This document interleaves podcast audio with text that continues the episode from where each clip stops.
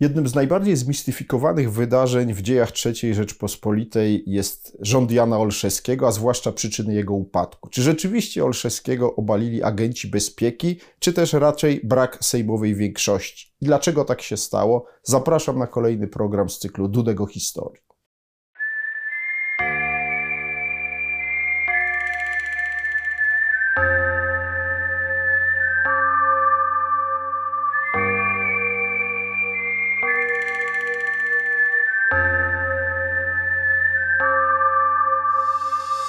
Rząd Jana Olszewskiego był pierwszym rządem wyłonionym po wyborach w 1991 roku, pierwszych demokratycznych wyborach do Sejmu po II wojnie światowej. Te wybory odbywały się według ordynacji proporcjonalnej, bez żadnych progów wyborczych.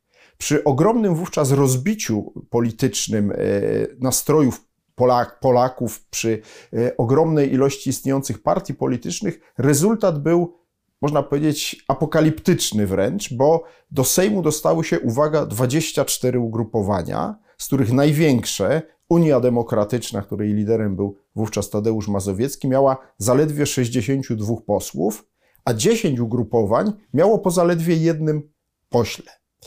W związku z tym sklecenie z takiego rozbitego Sejmu jakiejś stabilnej większości e, wydawało się niezwykle trudne i tak też rzeczywiście było. Teoretycznie największe pole manewru miał e, prezydent Lech Wałęsa, e, ponieważ e, bardzo wiele polityków tych różnych partii jeszcze rok wcześniej popierało kandydaturę Wałęsy na prezydenta. Rzecz w tym, że na przestrzeni roku 91 Wałęsa skonfliktował się z większością polityków, którzy go popierali jako kandydata na prezydenta, a najbardziej spektakularny E, wymiar mojego konflikt z niedawnym jeszcze szefem jego e, prezydenckiej kancelarii Jarosławem Kaczyńskim, który do Sejmu e, wszedł w październiku 1991 roku jako lider partii o nazwie Porozumienie Centrum, która zajęła w tych wyborach szóste miejsce i miała około 50 posłów. Ale to właśnie Jarosław Kaczyński okazał się skuteczniejszy w budowaniu jakiejś koalicji od Wałęsy. Wałęsa dość długo chciał, żeby e, e, premierem e, nowego rządu, ponieważ nowy Sejm musiał włączyć nowy rząd, został dotychczasowy premier, którego sam Wałęsa wybrał rok wcześniej, Jan Krzysztof Bielecki. Rzecz w tym, że partia Jana Krzysztofa Bieleckiego, Kongres Liberalno-Demokratyczny, miała dwudziestu kilku posłów i tak naprawdę nie miała szans na to, żeby zbudować y, większość y, wystarczającą do stworzenia nowego rządu. Tak naprawdę tej większości nie miał nikt, ale Jarosław Kaczyński okazał się najskuteczniejszy w klejeniu y, koalicji. Trwało to kilka tygodni, ale wreszcie w grudniu 1991 roku, mimo wyraźnego oporu i niechęci ze strony Wałęsy, Sejm przegłosował powołanie Jana Olszewskiego e, na premiera i rządu w składzie, który Olszewski zaproponował. Ale uwaga, rząd Olszewskiego tak naprawdę, choć uzyskał wymaganą zgodnie z konstytucją większość, miał w swoim składzie ministrów, z czterech zaledwie partii. Te cztery partie, z których największe to było Porozumienie Centrum i Zjednoczenie Chrześcijańsko-Narodowe, miały łącznie w Sejmie 114 posłów. A więc nawet mniej niż połowa tych 231, których trzeba, żeby mieć stabilną większość. I tak naprawdę przed Olszewskim od pierwszego dnia istnienia jego rządu stanęło zadanie zbudowania większościowej koalicji. Jak zatem w ogóle udało się sklecić tą większość, ktoś zapyta? Skąd się wzięło te ponad 200 głosów, które umożliwiło Olszewskiemu e, powołanie e, na stanowisko szefa rządu? Otóż tu się objawiły talenty negocjacyjne Jarosława Kaczyńskiego, który zdołał przekonać wiele reprezentacji parlamentarnych, które nie weszły do rządu, żeby ten rząd poparły niejako warunkowo, w perspektywie za różnego rodzaju korzyści czy ustępstwa. E, pośród tych, którzy nie weszli do rządu, a e, poparli utworzenie rządu olszewskiego, najważniejsza była sejmowa reprezentacja Związku Zawodowego Solidarność i Polskiego Stronnictwa Ludowego Waldemara Pawlaka. Jednak od początku właściwie rządu olszewskiego było jasne, że ten rząd, jeśli ma przetrwać, musi znaleźć sobie dodatkowych sojuszników, koalicjantów. I Olszewski teoretycznie akceptował ten warunek, praktycznie natomiast kompletnie e, się z tym nie zgadzał. Dlaczego? Olszewski mianowicie wymyślił sobie, że jeżeli on będzie poszerzał koalicję, to będzie musiał iść na różnego rodzaju ustępstwa, a to właściwie sprawi, że y, jego y, y, popularność polityczna będzie słabła. Natomiast Olszewski założył, że alternatywy dla jego rządu w Sejmie nie ma, że nie da się zbudować żadnej innej większości. W związku z tym jego rząd powinien trwać jako rząd mniejszościowy jak długo się da, osiągnąć popularność, a później ewentualnie, jeśli zostanie rzeczywiście pozbawiony możliwości dalszego sprawowania urzędu, wówczas dojdzie do przedterminowych wyborów, ale Olszewski na bazie tej popularności, którą zdobędzie jako niezależny, twardy szef rządu, będzie mógł myśleć o, o sukcesie i o e, dużej roli politycznej już w kolejnym parlamencie. I dlatego tak naprawdę Olszewski pozorował negocjacje, które trwały przez dobrych kilka miesięcy jego istnienia. Przypomnę, że ten rząd powołany w grudniu 1991 roku przetrwał zaledwie do początków czerwca roku 1992, a więc tak naprawdę niespełna pół roku.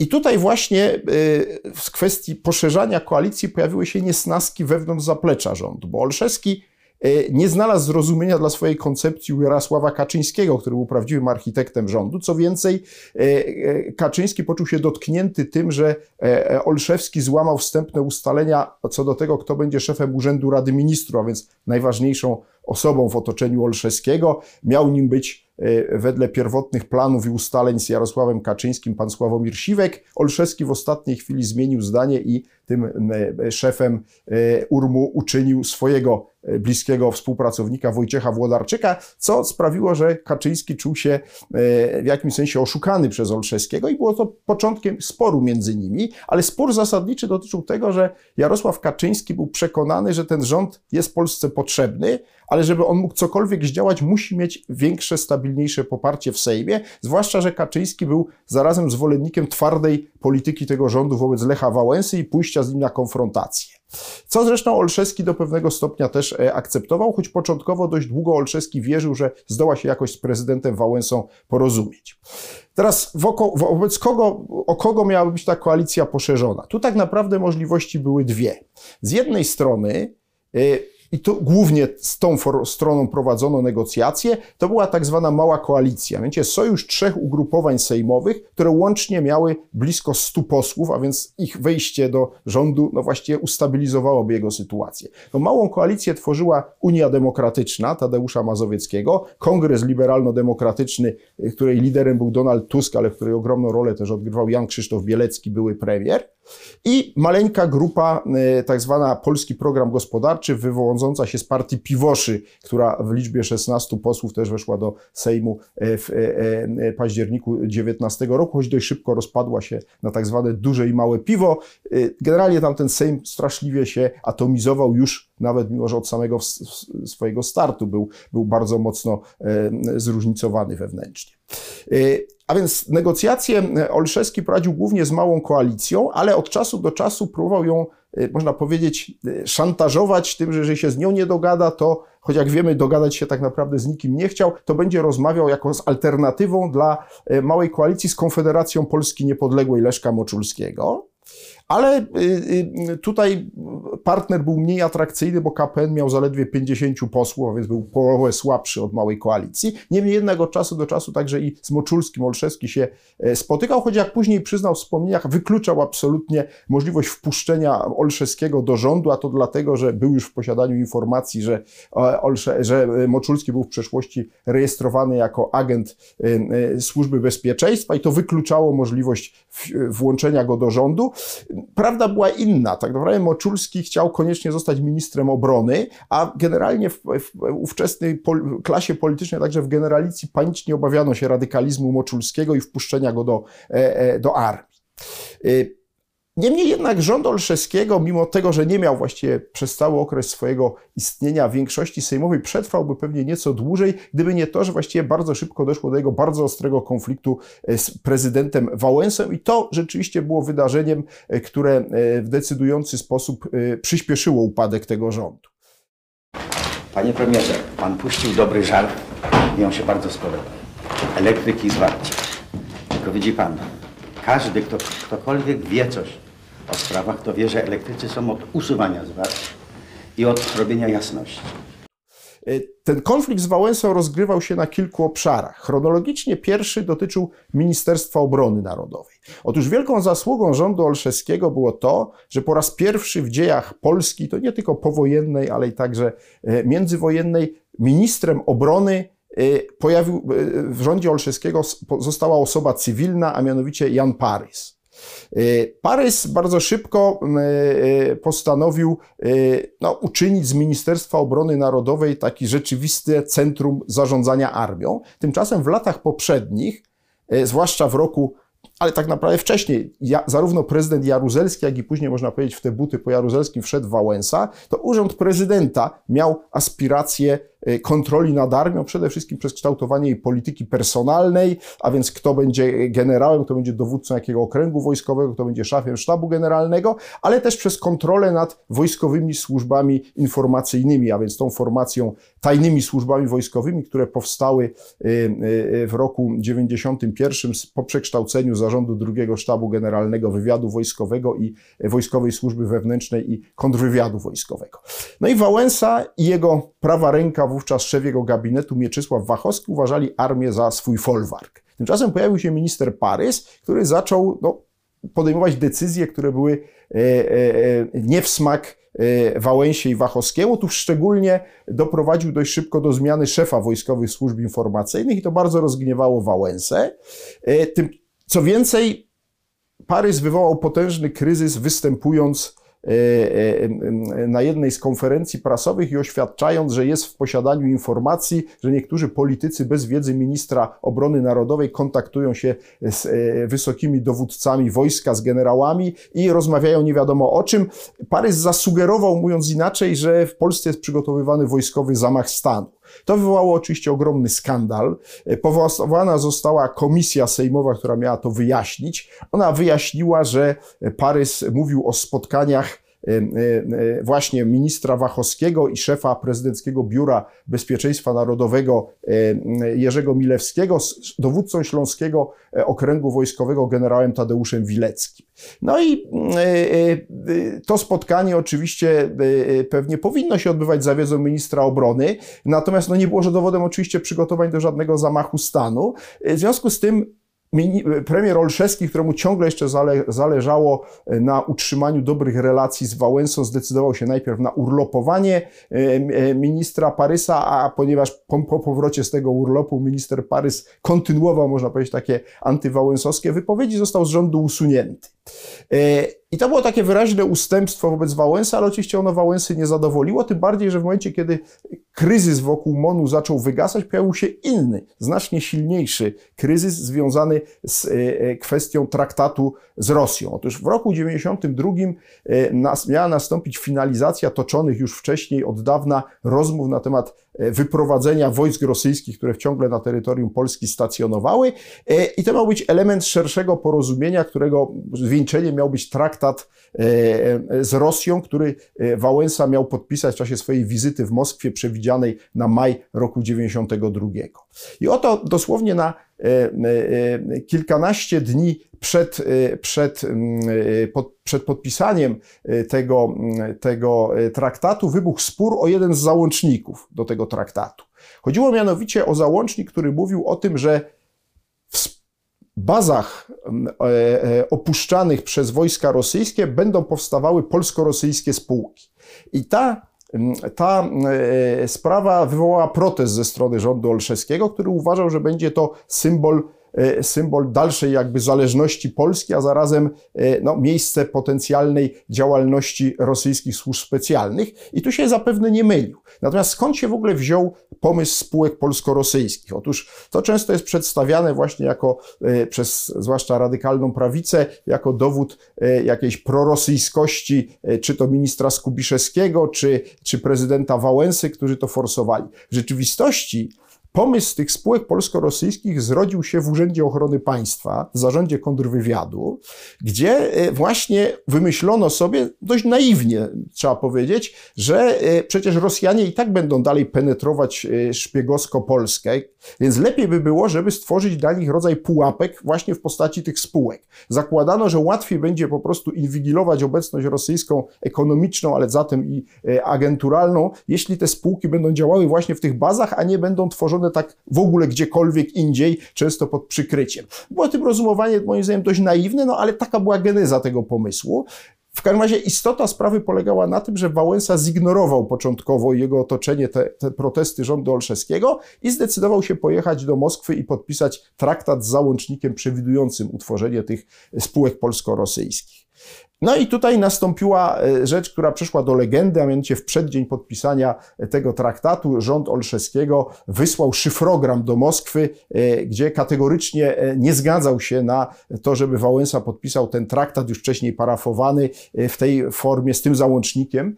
I trzeba powiedzieć tutaj jasno, że gdyby rzeczywiście Wałęsa był, e, e, tak jak jest często oskarżany, w jakiś sposób uwikłany w zależność od, od, od Rosjan czy od, od układu postkomunistycznego, agenturalnego, to on by zignorował ten szyfrogram, bo przecież rząd Olszewskiego nie miał żadnych realnych narzędzi, żeby zmusić prezydenta Rzeczpospolitej do e, tego, żeby ten, ten, tego traktatu nie podpisał w wynegocjowanej wcześniej i parafowanej postaci. Co najwyżej mógł wywołać gigantyczny skandal międzynarodowy. Ale jednak Wałęsa e, zdecydował się tego uniknąć. Zdołał przekonać Borysa Jelcyna, ówczesnego prezydenta Rosji. W ostatniej chwili, na dwie godziny przed podpisaniem tego traktatu, przeredagowano ten artykuł, usunięto to sformułowanie o spółkach polsko-rosyjskich, zastąpiono ogólnikowym zdaniem o rozwijaniu współpracy gospodarczej i w tej zmienionej postaci traktat został podpisany, co później uznano za wielki sukces rządu Olszewskiego. Tak, był to sukces, ale e, e, on wynikał po prostu z tego, że to Wałęsa ustąpił. To była twarda rozmowa dwóch twardych mężczyzn, powiedział Borys Jelcyn. Zdaniem Lecha Wałęsy to ciężkie otwarcie nowego etapu we wzajemnych stosunkach, ale jednak otwarcie. Jednym z kontrowersyjnych punktów traktatu dotyczącego wycofania wojsk była sprawa batalionów łączności, które mają pozostać w Polsce.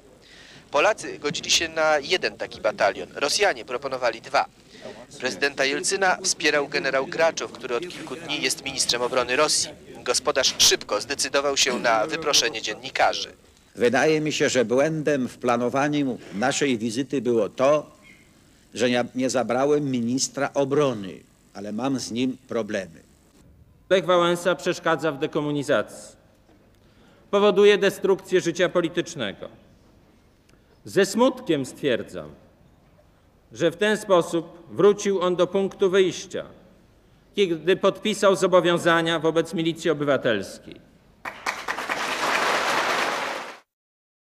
Ale choć Wałęsa ustąpił w tej sprawie, to wrócił do Warszawy i wystosował do marszałka Sejmu Wiesława Chrzanowskiego list, że stracił zaufanie do rządu Olszewskiego i odmawia z nim, z nim dalszej współpracy. I to właściwie był prawdziwy wyrok śmierci na e, rząd Jana Olszewskiego.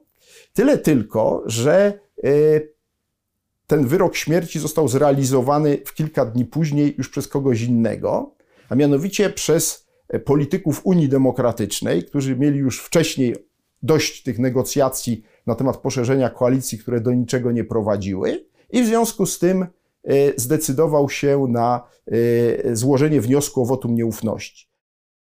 Nie mogliśmy się zgodzić na nieustanne przeciąganie tych rozmów, e, prowadzące właściwie do braku rezultatów odczuwanych przez opinię publiczną w sposób taki, że są rozmowy, rozmowy i nic z nich nie wynika. Zdaniem liderów małej koalicji o niepowodzeniu rozmów zdecydował brak woli premiera doprowadzenia ich do pozytywnego skutku.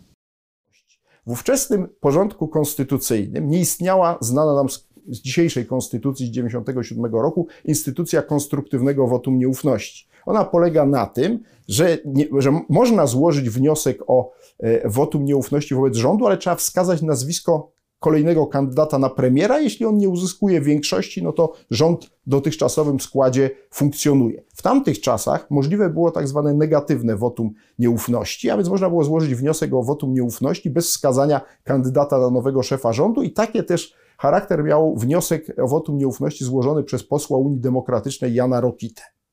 Ale w przeddzień złożenia wniosku przez Rokitę, wydarzyło się w Sejmie coś, co przesłoniło całkowicie to wszystko, o czym tu dotąd mówiłem i co tak naprawdę zostało uznane za prawdziwy powód upadku rządu Jana Olszewskiego. Mianowicie w przeddzień e, złożenia wniosku przez o wotum nieufności przez Rokitę na sejmową mównicę wkroczył e, poseł Unii Polityki Realnej Janusz Korwin-Mikke i złożył e, wniosek, propozycję uchwalenia przez Sejm, przyjęcia przez Sejm tzw. uchwały lustracyjnej.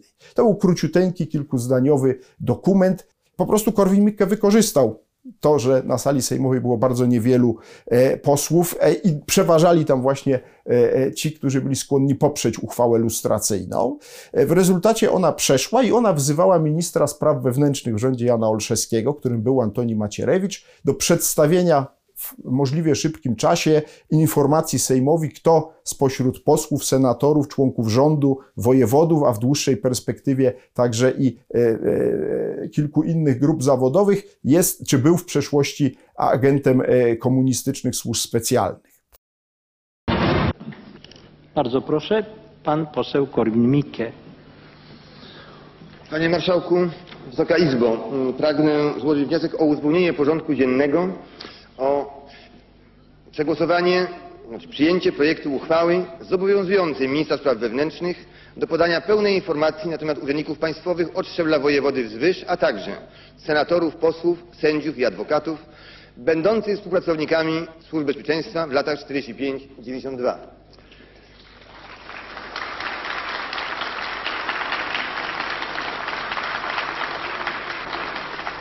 Sądząc z oklasków nie muszę tego uzasadniać. Atmosfera jaka panuje jest jasna.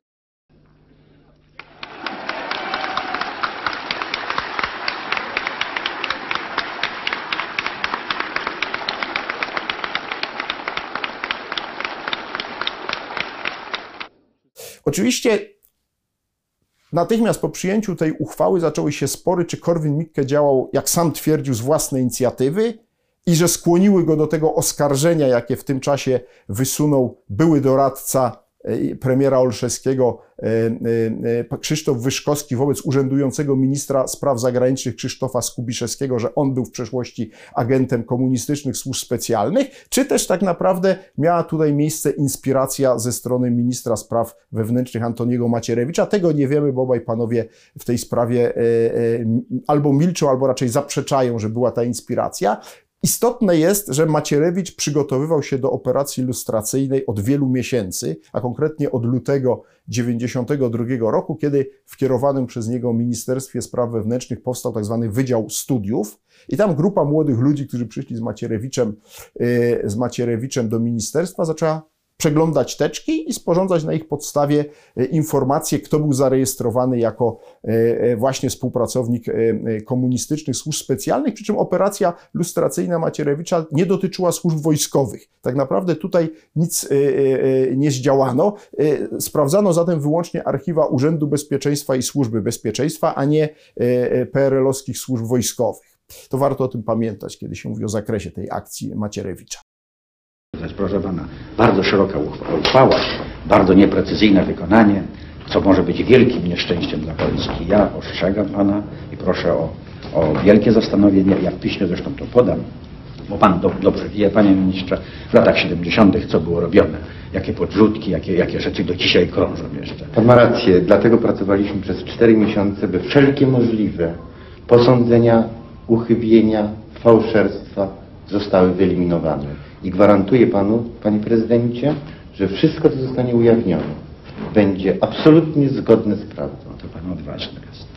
Cieszę się, że mam takiego odważnego ministra. Niemniej jednak, kiedy uchwała lustracyjna została przyjęta, Macierewicz miał już pokaźną ilość informacji i 4 czerwca mógł się pojawić w Sejmie z listami, e, z dwoma listami. E, przy czym Macierewicz zdawał sobie sprawę, że cała ta procedura, którą przyjmowała uchwała, jest procedurą z punktu widzenia pra prawnego wyjątkowo niefortunną, dlatego że ona czyniła z ministra spraw wewnętrznych rodzaj sądu ostatecznej instancji. Co minister przekazać miał, to miało być prawdą. Tymczasem Macierewicz również podobnie jak wszyscy, którzy te dokumenty widzieli albo wtedy, albo później, zdawali sobie sprawę, że tu każdy przypadek jest inny, że takie zero-jedynkowe mówienie był, nie był, jest, jest po prostu rzeczą absolutnie nie, nie, nie, niewiarygodną. W związku z tym Macierewicz, zanim przywiózł te listy do Sejmu, próbował namówić i wystąpił oficjalnie z taką inicjatywą pierwszego prezesa Sądu Najwyższego, profesora Adama Strzembosza, aby ten y, y, stworzył rodzaj komisji weryfikacyjnej, która by no, oceniała wiarygodność tych informacji, które e, ludzie Macierewicza znaleźli w archiwum MSW.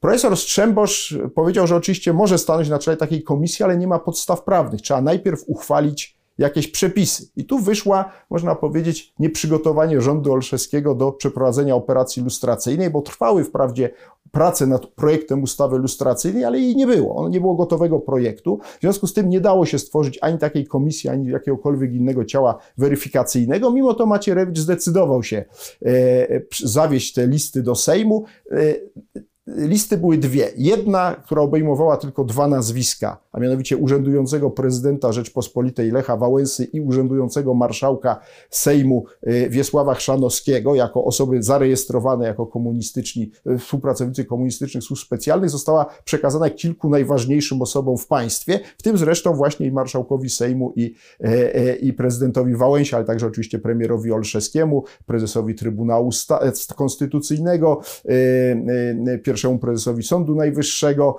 y, y, marszałkowi Senatu.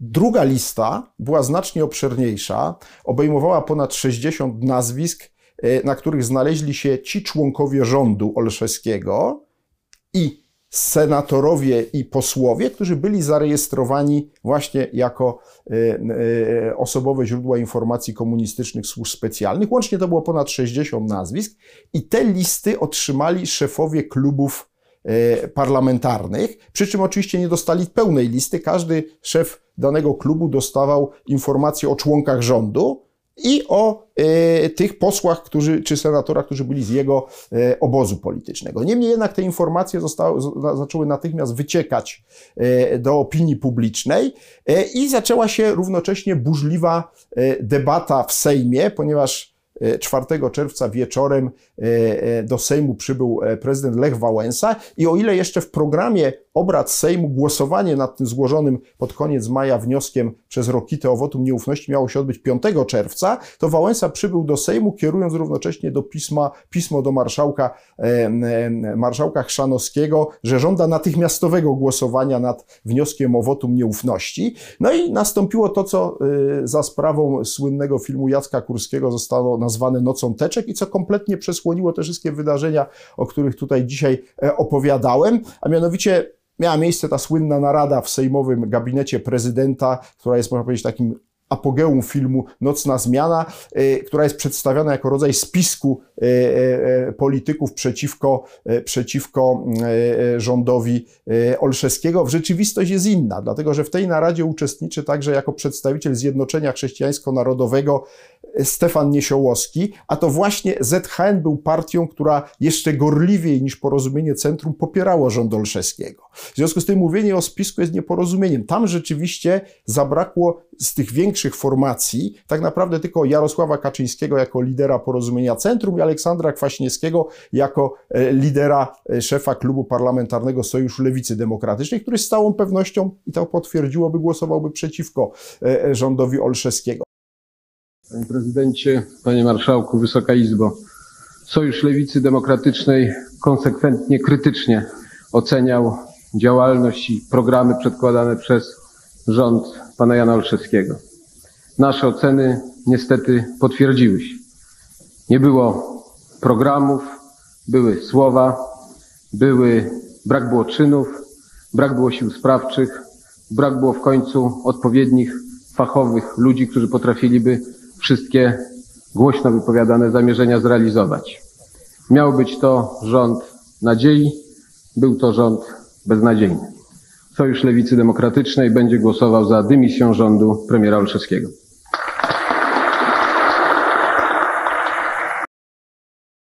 Więc mówienie o tym spotkaniu jako o spisku jest nieporozumieniem, bo w rzeczywistości Wałęsie chodziło w czasie tego spotkania o coś innego, a mianowicie o to, czy jego kandydat na nowego premiera, którym miał zostać lider PSL-u Waldemar Pawlak, będzie miał szansę na uzyskanie większości w tym Sejmie. No i po tym spotkaniu Wałęsa już wiedział, że tak, że jest bardzo duża szansa, że e, e, w miejsce e, Jana Olszewskiego nowym premierem zostanie powołany Waldemar Pawlak. Tak też się stało, choć jak wiemy, nie zdołał Pawlak zbudować większości i ostatecznie po 33 dniach musiał z funkcji premiera zrezygnować. Premierem została Hanna Suchocka, ale to już zupełnie inna historia. Natomiast, proszę Państwa, po upadku rządu Olszewskiego, skoro to się odbywało w bardzo dramatycznych okolicznościach, bardzo burzliwej debaty Sejmu, w jej trakcie premier Jan Olszewski wygłosił przemówienie telewizyjne.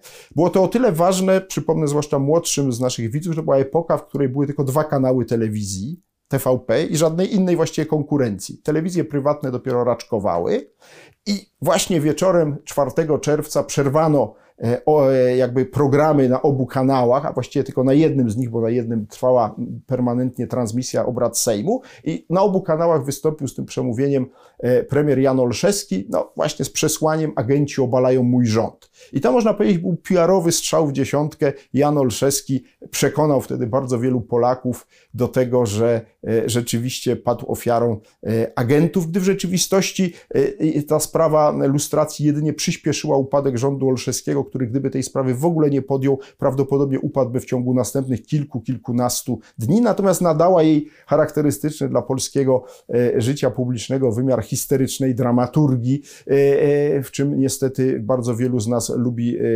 uprawiać politykę w takim stylu. Uważam, że naród polski powinien mieć poczucie, że wśród tych, którzy nim rządzą, nie ma ludzi, którzy pomagali UB i SB utrzymywać Polaków w zniewoleniu. Uważam, że dawni współpracownicy komunistycznej policji politycznej mogą być zagrożeniem dla bezpieczeństwa wolnej Polski. Naród powinien wiedzieć, że nieprzypadkowo właśnie w chwili, kiedy możemy oderwać się ostatecznie od komunistycznych powiązań, stawia się nagły wniosek o odwołanie rządu. Po upadku rządu, albo jak to woli, obaleniu rządu Jana Olszewskiego, yy, zrodziły się dwie legendy. Jedna, o której tu bardzo dużo mówiłem, yy, legenda, że to agenci obalili rząd Olszewskiego. Oczywiście niewątpliwie ci z tych ponad 60 parlamentarzystów, którzy rzeczywiście mieli przeszłość agenturalną, bo to tylko część z nich w moim przekonaniu można o to oskarżać, z całą pewnością przyłożyła do tego rękę, ale chcę przypomnieć, że na 460 posłów w obronie Jana Olszewskiego, czyli przeciwko odwołaniu jego rządu zagłosowało zaledwie 119 posłów. Więc mówienie o tym, że to agenci doprowadzili do upadku rządu Olszewskiego jest, mija się z prawdą. Oni byli wśród tych, którzy y, w liczbie y, ponad 270 głosowali przeciwko, ale z całą pewnością nie była to, y, nie była to zdecydowana, zdecydowana większość z nich.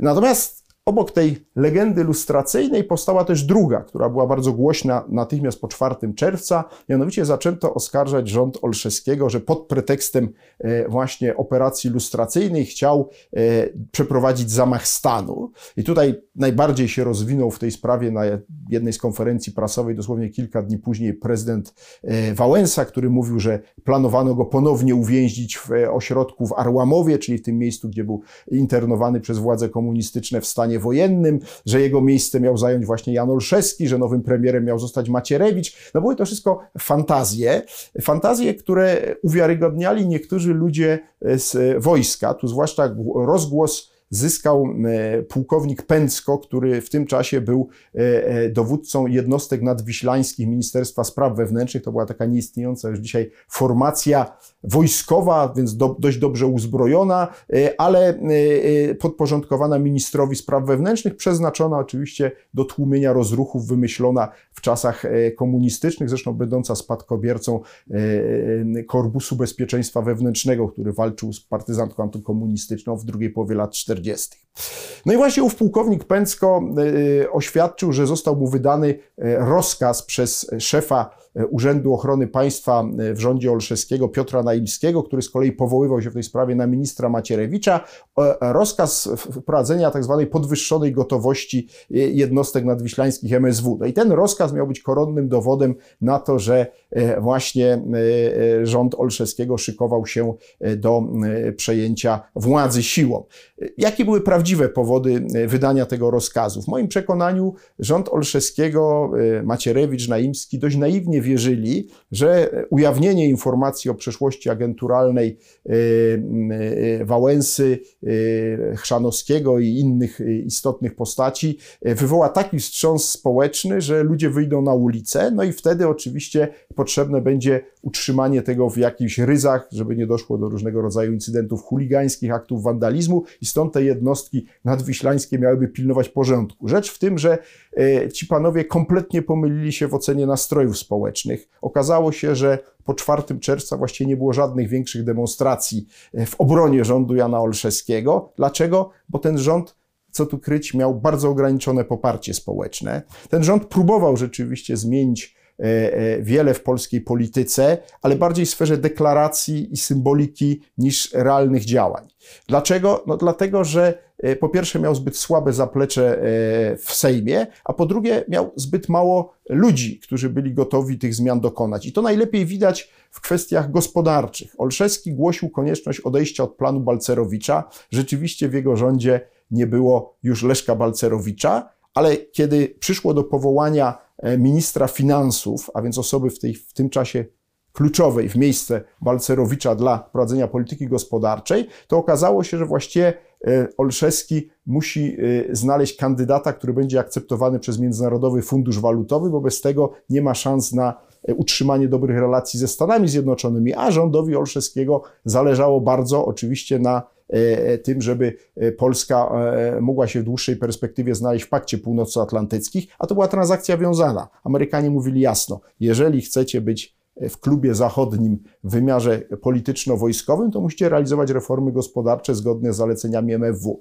No i tu się okazało, że najpierw Olszewski uczynił E, ministrem finansów e, profesora Karola Ludkowskiego, jednego z doradców Balcerowicza, który zresztą okazał się jeszcze bardziej e, ortodoksyjnym liberałem i monetarystą niż sam Balcerowicz, w związku z tym po kilku tygodniach, także wskutek konfliktu ze swoim, swoimi zastępcami podał się do dymisji, a później na jego miejsce Olszewski, choć teoretycznie miał tu więcej czasu, powołał Andrzeja Olechowskiego, a więc człowieka, o którym później mówił, że nie wiedział, że ten był rejestrowany jako agent wywiadu i tego rzeczywiście Olszewski Nie wiedział, ale nie mógł nie wiedzieć, że e, tenże Olechowski jako wiceprezes Narodowego Banku Polskiego uczestniczył w obradach Okrągłego Stołu, oczywiście po stronie obozu władzy, a więc był człowiekiem głęboko związanym z e, e, aparatem władzy PRL, a mimo to uczynił go drugim z ministrów finansów w swoim rządzie. Dlaczego? Bo Olechowski E, był wiarygodny dla MFW i sam Olechowski wspomina, jak wrócił z negocjacji w Waszyngtonie,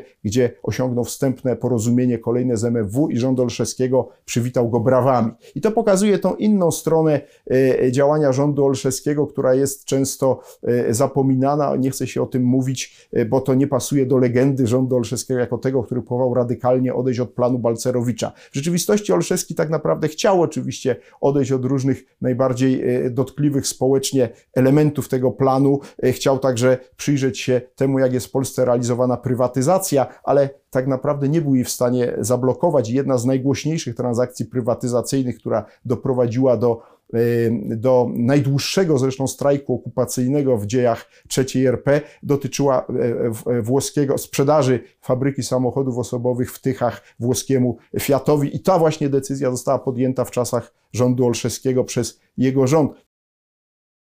FSM Tychy. Jeden z najnowocześniejszych zakładów w Polsce. 7 tysięcy pracowników. Średnia płaca w czerwcu 3 miliony 100 tysięcy złotych z perspektywą znacznych podwyżek po przejęciu przez koncern Fiata. W lipcu wybucha tu strajk płacowy. Najdłuższy strajk w powojennej Polsce. Rezultat? Setki miliardów strat i żadnych korzyści dla strajkujących. Apeluję o was, abyście się nie uginali i nie ustępowali, bo już jeśli nie dni, to może nawet godziny dzielą nas od ostatecznego zwycięstwa. To my, my robotnicy, będziemy dyktować warunki, na jakich będą kapitulowali ci, którzy chcieli nami rządzić. To wy jesteście widocznym przykładem, że tak trzeba postępować, że lepiej umierać na stojąco niż żyć na kolanach, bo nie walczycie tylko o pieniądze, ale o godne życie. Ja Polka muszę słuchać co Włochtą. Ja mogę pracować rzetelnie, ale nie na takich warunkach jak oni to zrobili. Sprzedali nas z kretesem i całą Polskę chcą sprzedać.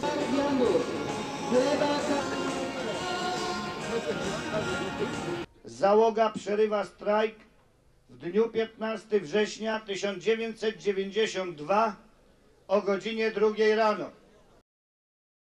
To pokazuje, że tak naprawdę yy, to, to twierdzenie, że rząd Olszewskiego chciał tu jakiejś radykalnej zmiany gospodarczej, jest po prostu mocno zmitologizowane. A warto mówić o historii w sposób niezmitologizowany, warto mówić o historii w sposób realistyczny yy, i tak starał się będę yy, mówić do Państwa w kolejnych programach z cyklu Dudek o historii. Serdecznie zapraszam do oglądania tego kanału, do wspierania go na różne możliwe sposoby, a dzisiaj już dziękuję za o Wagner.